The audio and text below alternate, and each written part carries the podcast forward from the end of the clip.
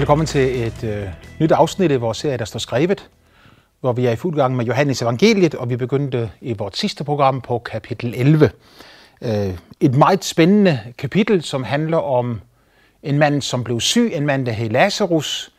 Øh, han blev faktisk så alvorligt syg, at han gik hen og døde, og så fire dage senere, så opvagte Jesus ham fra de døde. Øh, vi så i vores sidste program på, hvordan onde ting sker for gode mennesker.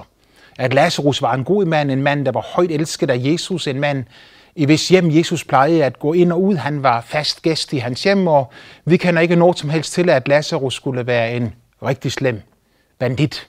Og alligevel blev han syg, og øh, han blev faktisk så syg, at han døde. Øh, da han blev syg, så tænkte hans søstre ved sig selv, ikke bare at, ja ja, øh, det der sker, det sker, whatever may be, may be, og det kan vi ikke gøre noget ved, men de tænkte, vi kender en, som har forvandlet menneskers liv tidligere. Han hedder Jesus. Så ham sendte de bud efter. Og jeg sagde det i sidste program, og jeg vil meget gerne sige det igen her nu også, at øh, hvis du har problemer i dit liv, med ånd, sjæl eller læme, øh, hvis du ikke har ro og fred i dit hjerte, hvis du mangler en mening med tilværelsen, hvorfor så ikke sende bud efter Jesus? Jesus, ja du siger, han levede jo for 2000 år siden. Ja, det gjorde han og han blev slået ihjel, døde på et kors. Men så opstod han igen fra de døde, for til himmels og satte sig ved faderens højre hånd. Der sidder han lige nu i det øjeblik, og min bibel siger, at der går han i forbøn for mennesker. Han ønsker så inderligt, at alle mennesker skal lære faderen at kende igennem ham. Så han er mere end villig til at komme og hjælpe dig, også i dag, ved sin ånd, ved sit ord, ved sine hellige engle, ved sin kirke, ønsker han at gribe ind i dit liv og berøre dig på ja, lige nøjagtigt den måde, som du har brug for at lære hans kraft at kende på. Uh, han griber ind i menneskers liv. Hvis vi kommer til ham vel at mærke, hvis vi uh, rækker ud imod ham og så siger, vi vil gerne have din hjælp i vort liv, sommetider så gør Gud det suverænt, uden at nogen har spurgt ham om det. Så kommer han bare suverænt, sender en engel og beskytter mennesker i bestemte situationer, eller griber selv ind i, i bestemte situationer i sin suverænitet. Uh, andre gange så øh, venter han på, at han bliver inviteret. Uh, vi siger vældig ofte, at den hellige ånd, den tredje person i guddommen, Guds kraft, at denne person, denne mægtige skaberånd, at han er en gentleman. Han kommer, hvor han bliver inviteret. Øh, han viser sig i Bibelens i billedet af en due, som man let kan skræmme bort, øh, og som man må være varsom med, hvis man ønsker at komme hen i dens nærhed. Øh, men hvis du inviterer Helligånden og Guds kraft til at komme til dig, så er han parat til at møde dig, fordi han elsker dig med en ubeskrivelig kærlighed. Så når han inviteres, så kommer han og griber ind i menneskers liv. Du siger, jeg kender mennesker, som har inviteret Guds kraft til at komme, og der er ikke sket noget med dem, der er ikke sket nogen forandring med dem. Eller måske du ikke bare kender mennesker, men du selv er en af dem, som siger, at jeg har inviteret Guds kraft til at komme ind i mit liv, hvor der er ingen forandring sket. Jeg bad om at blive helbredt for en sygdom, jeg er stadigvæk syg. Jeg bad om hjælp i en bestemt situation, ingenting skete. Øh, det kan godt være, at du står i den situation. Øh, mange mennesker oplever det at det virker som om deres bønder ikke bliver besvaret. Jesus han siger jo her, når han får at vide, at øh, Lazarus er syg, så siger han til sine disciple, denne sygdom er ikke til døden. Og alligevel nogle få øjeblikke senere, så er Lazarus død. Havde jeg været en af disciplene, der havde hørt Jesus sige det der, så ville jeg måske have sagt, ja, der kan du se. Der glippede den igen. Jeg troede lige, at jeg skulle opleve Guds kraft, og han gav mig ovenikøbet et ord og et løfte, og så skete det modsatte af det, han sagde. Denne sygdom er ikke til døden, og nu er manden død. Øh, det er en tåbe, som bedømmer tingene, før de er færdige. Hvis du ser en kunstmaler male et vidunderligt maleri, eller ser en stenhugger, en skulptur, bygger, en kunstner, som, som, som laver en flot skulptur, og du begynder at bedømme ham, efter han har slået de første fem hak ind i den store, uformede sten.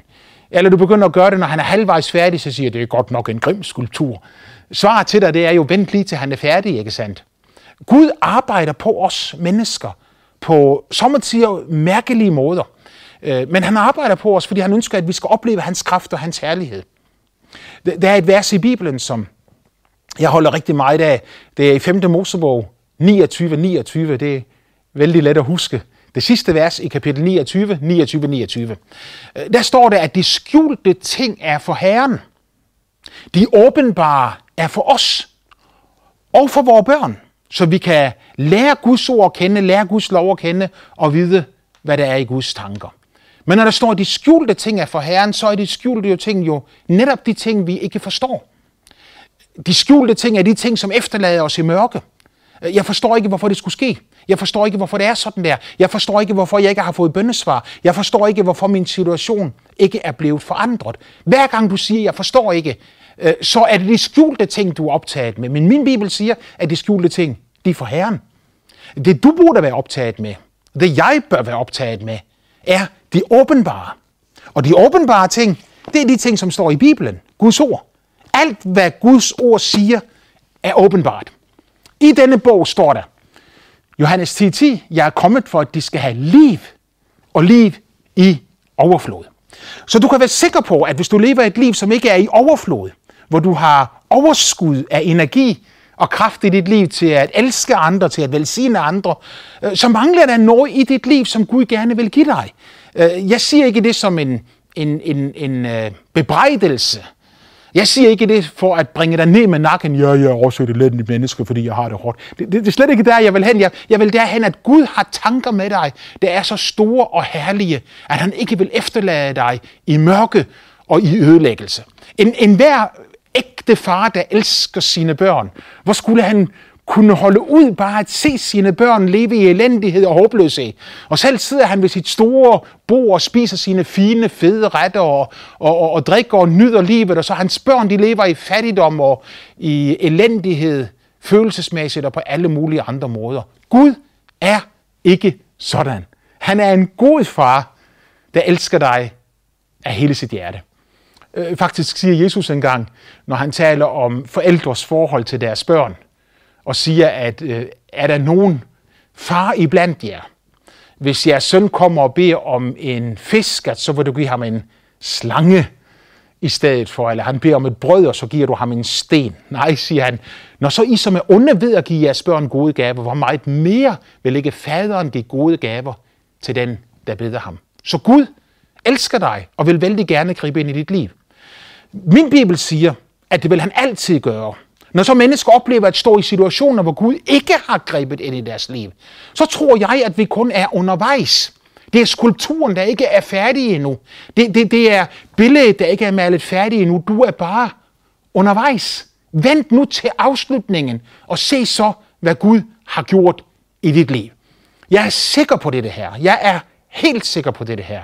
At ingen, der påkalder Herrens navn, skal blive til skamme. Hvordan jeg ved det? Fordi det er et direkte citat fra Bibelen. Bibelen siger, at hvis du kalder på Gud, så kommer Gud til at gribe ind i dit liv. Det kan godt være, at det går igennem mørke, før du kommer til lyset. Øh, vi har en herlig Negro Spiritual sang, som er bygget over en af Davids salmer, øh, hvor vi synger, It may be dark in the night, but joy comes in the morning. Det kan godt være, at det er mørkt om natten, men glæden, den bryder frem, når morgenen kommer. Når solen stopper over horisonten, lyset begynder at stråle, mørket viger tilbage, og Guds nærvær kommer ind i dit liv. Gud ønsker at forvandle dig. Det er jo ganske interessant, at Jesus han her siger til disciplene, Lazarus, vor ven, er sovet ind. Og så tænker disciplene ved sig selv, øh, ah, tænker de, hvis han er faldet i søvn, øh, så er han ved at blive rask igen. Men Jesus har ikke talt, talte ikke om søvnens hvile. Øh, han talte om, at Lazarus var død. Og så siger han det direkte til dem, rent ud til dem. Lazarus er død. Der er nogle mennesker, der spørger, hvad sker der med os, når vi dør? Bibelen er faktisk ganske klar på dette punkt. Fordi Bibelen flere gange taler om de døde som de hensovede, de som er faldet i søvn. Så er der nogen, der forestiller sig, at når et menneske dør, så er det uden bevidsthed. Bevidstheden forsvinder, fordi kroppen ikke længere fungerer. Fordi den er blevet så gammel, at den ikke længere kan fungere. Øh, midt i en syndig og ond verden bliver kroppen gammel og kan ikke længere fungere. Øh, så tror mennesker, at når vi så drager vores sidste åndesuk, og kroppen ikke længere fungerer, så eksisterer vi ikke mere, eller så er vi ikke længere ved bevidsthed. Det modsiger Bibelen. Bibelen taler klart og tydeligt om, at øh, når mennesket er død, så er det stadigvæk ved fuld bevidsthed. Så når Bibelen bruger udtrykket søvnens hvile, eller de hensovede, om de der er døde, så er det mere et udtryk for, at den krop, der ligger der, øh, den er død. Den ligner et menneske, som ikke længere er i stand til at gøre noget som helst. Men sjælen og ånden er ved fuld bevidsthed. Øh, det ved vi, fordi at Jesus han fortæller en beretning i Lukas 16 om en rig mand og en fattig mand, som begge to døde og vågnede op, slog deres øjne op i dødsriget, siger Jesus. Kunne snakke, kunne kommunikere, kunne føle, og alt det, der eksisterer, efter at kroppen ikke længere virker. Det samme sagde Jesus jo også, da han hang på korset. Og en af røverne, som hang ved siden af ham, sagde, Jesus, tænk på mig, når du kommer i dit rige. Så så Jesus på ham, der sit hoved rundt og siger til ham, i dag skal du være med mig i paradis.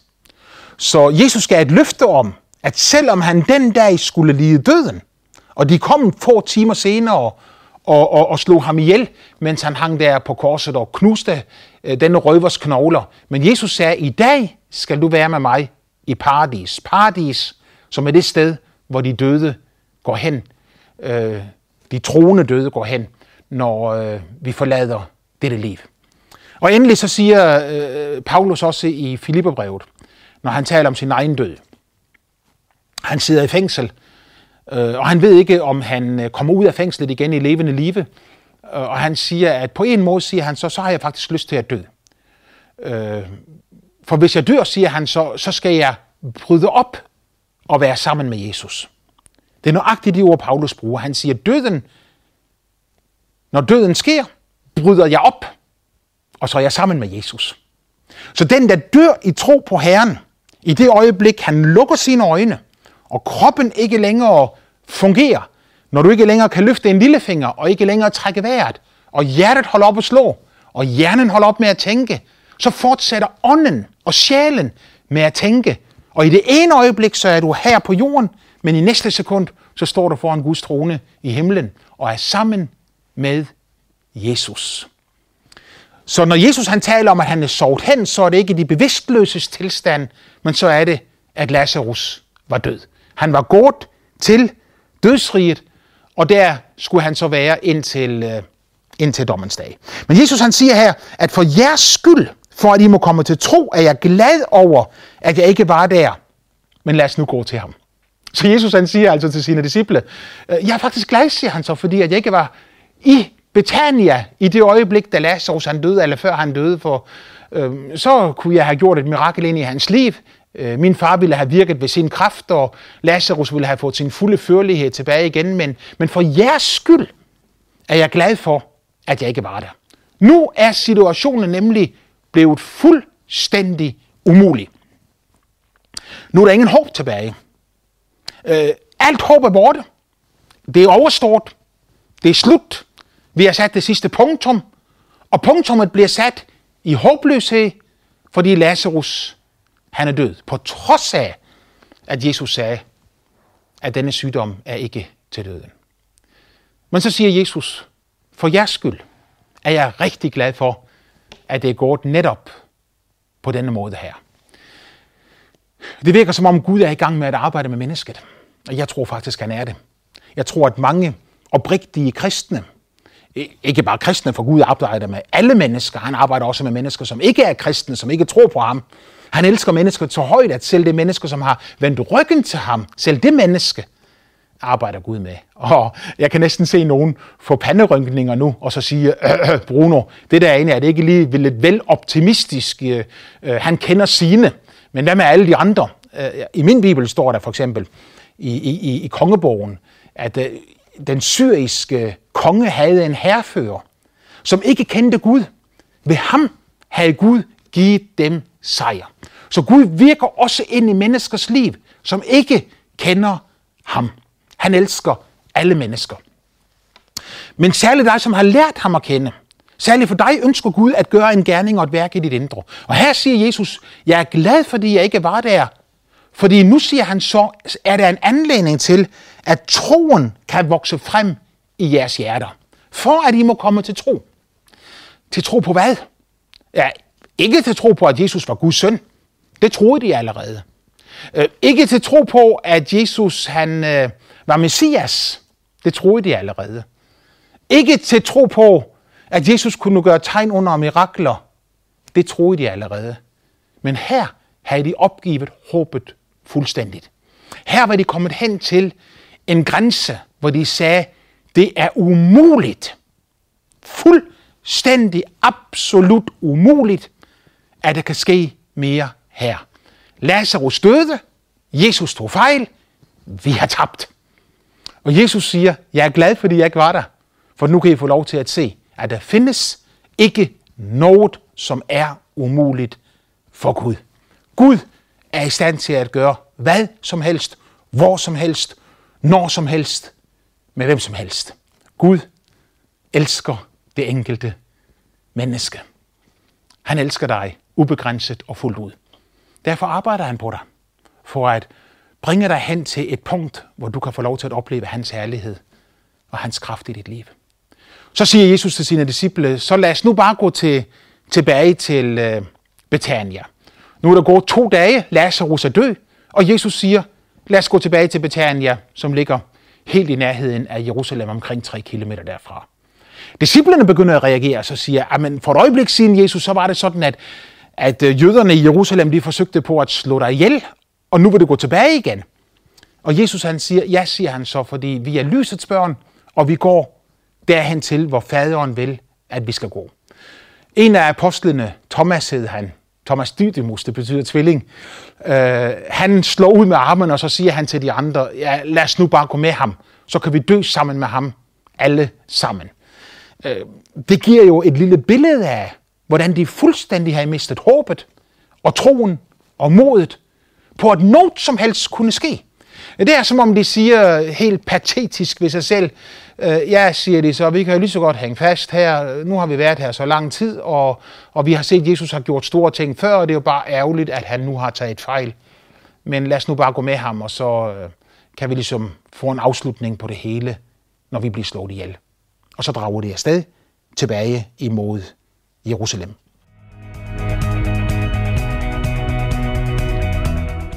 Når de kommer tilbage mod Jerusalem, så finder de ud af, at Lazarus allerede har ligget i sin grav i fire dage. Han har været død i fire dage. Når så øh, Martha og Maria, Lazarus' søstre, hører, at Jesus er på vej hen imod dem, så går Martha først Jesus i møde. Og det første, hun møder Jesus med, de første ord, hun siger til ham, det er disse her. Herre, havde du været her, så var min bror ikke død. Havde du været her, så var min bror ikke død. Hun så på fortiden, det der allerede var sket. Hun sagde, fortiden kan vi ikke lave om på. Det der er sket, det er sket. Øh, det er sådan, som det er, og der er ikke noget at gøre ved det. Havde du været her, der var min bror ikke død. Dog siger hun også, at selv nu ved jeg, at Gud giver dig alt det, du beder om. Øh, og Jesus han siger så til hende, Martha, din bror, skal opstå. Hun svarer, jeg ved, at han skal opstå på den yderste dag på i opstandelsen. Hvor til Jesus svarer tilbage igen og siger til hende, jeg er opstandelsen og livet. Den, som tror på mig, skal leve, om han end dør. Og enhver, som lever og tror på mig, skal i al evighed ikke dø. Tror du det? spørger han Martha. Hvortil Martha svarer tilbage igen, ja herre, jeg tror, at du er Kristus, Messias, Guds søn, den, som kommer til verden. Hun havde en stærk tro på opstandelsen fra de døde. Hun troede på det, som Bibelen forkynder, at alle en dag skal opstå fra de døde. Hun troede, at det var sandt. Så når Jesus han siger til hende, din bror skal opstå, så det er ligesom om hun, hun, hun, hun svæver imellem tro og tvivl og, og håb og modløshed og, og disse kræfter, de svinger i hendes liv. Og, og hvor, hvor kan jeg forstå hende? For et menneske, der har haft en stor sorg i sit liv og overleve, oplever en så overvældende smerte, har jo utroligt svært ved at finde sine følelser igen. Jeg tror, han skal opstå på den yderste dag. Og så siger Jesus, jeg er opstandelsen og livet. Hun troede på en lærer. Men Jesus han siger, det er ikke nok, at du tror på en lærer. Du er nødt til at tro på en person. Det er mig, Jesus. Jeg er opstandelsen og livet. Han så hende ind i øjnene, og jeg kan næsten se, hvordan at, at varmen og gløden og energien sprøjtede fra Jesu øjne, strømmede fra Jesu øjne direkte ind i Martas liv, når han siger til hende, jeg er opstandelsen og livet. Den, der tror på mig, skal leve, om han end dør. Altså med andre ord, så siger han, du kalder Lazarus for død, men jeg kalder ham for levende, siger han. Øh, faktisk så siger Bibelen jo, at alle er levende for Gud. Selv dem, vi kalder for døde, de er kun døde for os, fordi vi ikke længere kan have kontakt med dem. Men, men for Gud er de levende. Og han siger, en hver som lever og tror på mig, skal i al evighed ikke dø. Og når Jesus han siger det, han skal i al evighed ikke dø, så taler han ikke om den fysiske død, men så taler han om den evige død. Hvordan jeg ved det, siger du? Jo, fordi at vi dør jo. Jeg har mange i min familie, som er døde. Mine bedsteforældre er døde. Jeg har onkler og tanter, som er døde. Jeg... Og hver gang et menneske dør på jorden i tro på Herren, så bliver himlen et rigere sted.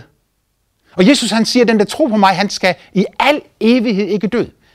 Oversat til almindelig dansk, han skal aldrig skilles fra Gud, hverken i livet eller i døden. Men han skal have fællesskab med Gud hele vejen igennem. Så går Martha tilbage til huset og siger til Maria, at Jesus er kommet. Hun kalder i stillhed på sin søster og siger, Mesteren er her, og han kalder på dig. Så rejser Maria sig op og, og går ud, og når jøderne, som er kommet sammen der for at græde sammen med hende og sørge sammen med hende over hendes bror, de ser, at hun rejser sig og går ud, så er der mange af dem, der går med hende ud. De tror, hun vil ud til graven for at fortsætte med at græde derude, men hun går ud og møder Jesus samme sted, hvor Martha mødte Jesus. Hun siger de samme ord til Jesus, som Martha sagde. Herre, havde du været her, så var min bror ikke død. Jesus er i stand til at lave om på fortiden. Han er i stand til at gribe ind i begivenheder, der har fundet sted tidligere i dit liv, og omskabe dem på en sådan måde, at de konsekvenser, som engang skete for dig, bliver ophævet og en ny kraft og en ny virkelighed kommer ind i dit liv. Da Jesus så Maria græde, og han så de jøder, som var sammen med hende græde, så blev han vred i sin ånd og blev hæftigt bevæget. Øhm, han var livets herre. Han var livets fyrste. Og når han mærkede vantroen og håbløsheden og umuligheden, der strømmede ham i møde som en, en, en, en, en mørk sky, som en mørk tog, der troede med at vælge ind over ham, så blev han vred. Han hader håbløsheden. Han hader umuligheden. Og, og, og det korteste vers i hele Bibelen, Johannes 11:35, bare to ord. Jesus græd. Øh, de sagde, se hvor han elskede ham, for de troede, han græd. Fordi han elskede Lazarus, men jeg tror, han græd af vrede, af sorg over, at menneskene ikke troede på, at han kunne forvandle situationen, og de kunne få lov til at opleve Guds herlighed. De begyndte at håne ham. Kunne han, som har åbnet de blindes øjne, ikke også åbne denne mands, ikke have hindret denne mand i at dø? Men Jesus ignorerer alt det der og går hen til graven, hvor Lazarus ligger inde bag en, en, en sten inde i, i, i en stengrotte, ikke gravet ned i jorden, som vi har det her i Danmark, men lagt ind i en stengrotte. Og Jesus siger til folket, fjern stenen. Hvortil de siger til ham, herre, han stinker allerede. Det er jo fjerde dag. Der ser Jesus på Martha og siger til hende, har jeg ikke sagt dig, at hvis du tror, skal du se Guds herlighed. Her tænder han lyset. Det er som at stikke hånden ind i et mørkt værelse og slå på øh, kontakten. Han tænder lyset, og håbet strømmer ind i kvindens hjerte. Hvad der skete, skal vi se på i næste program.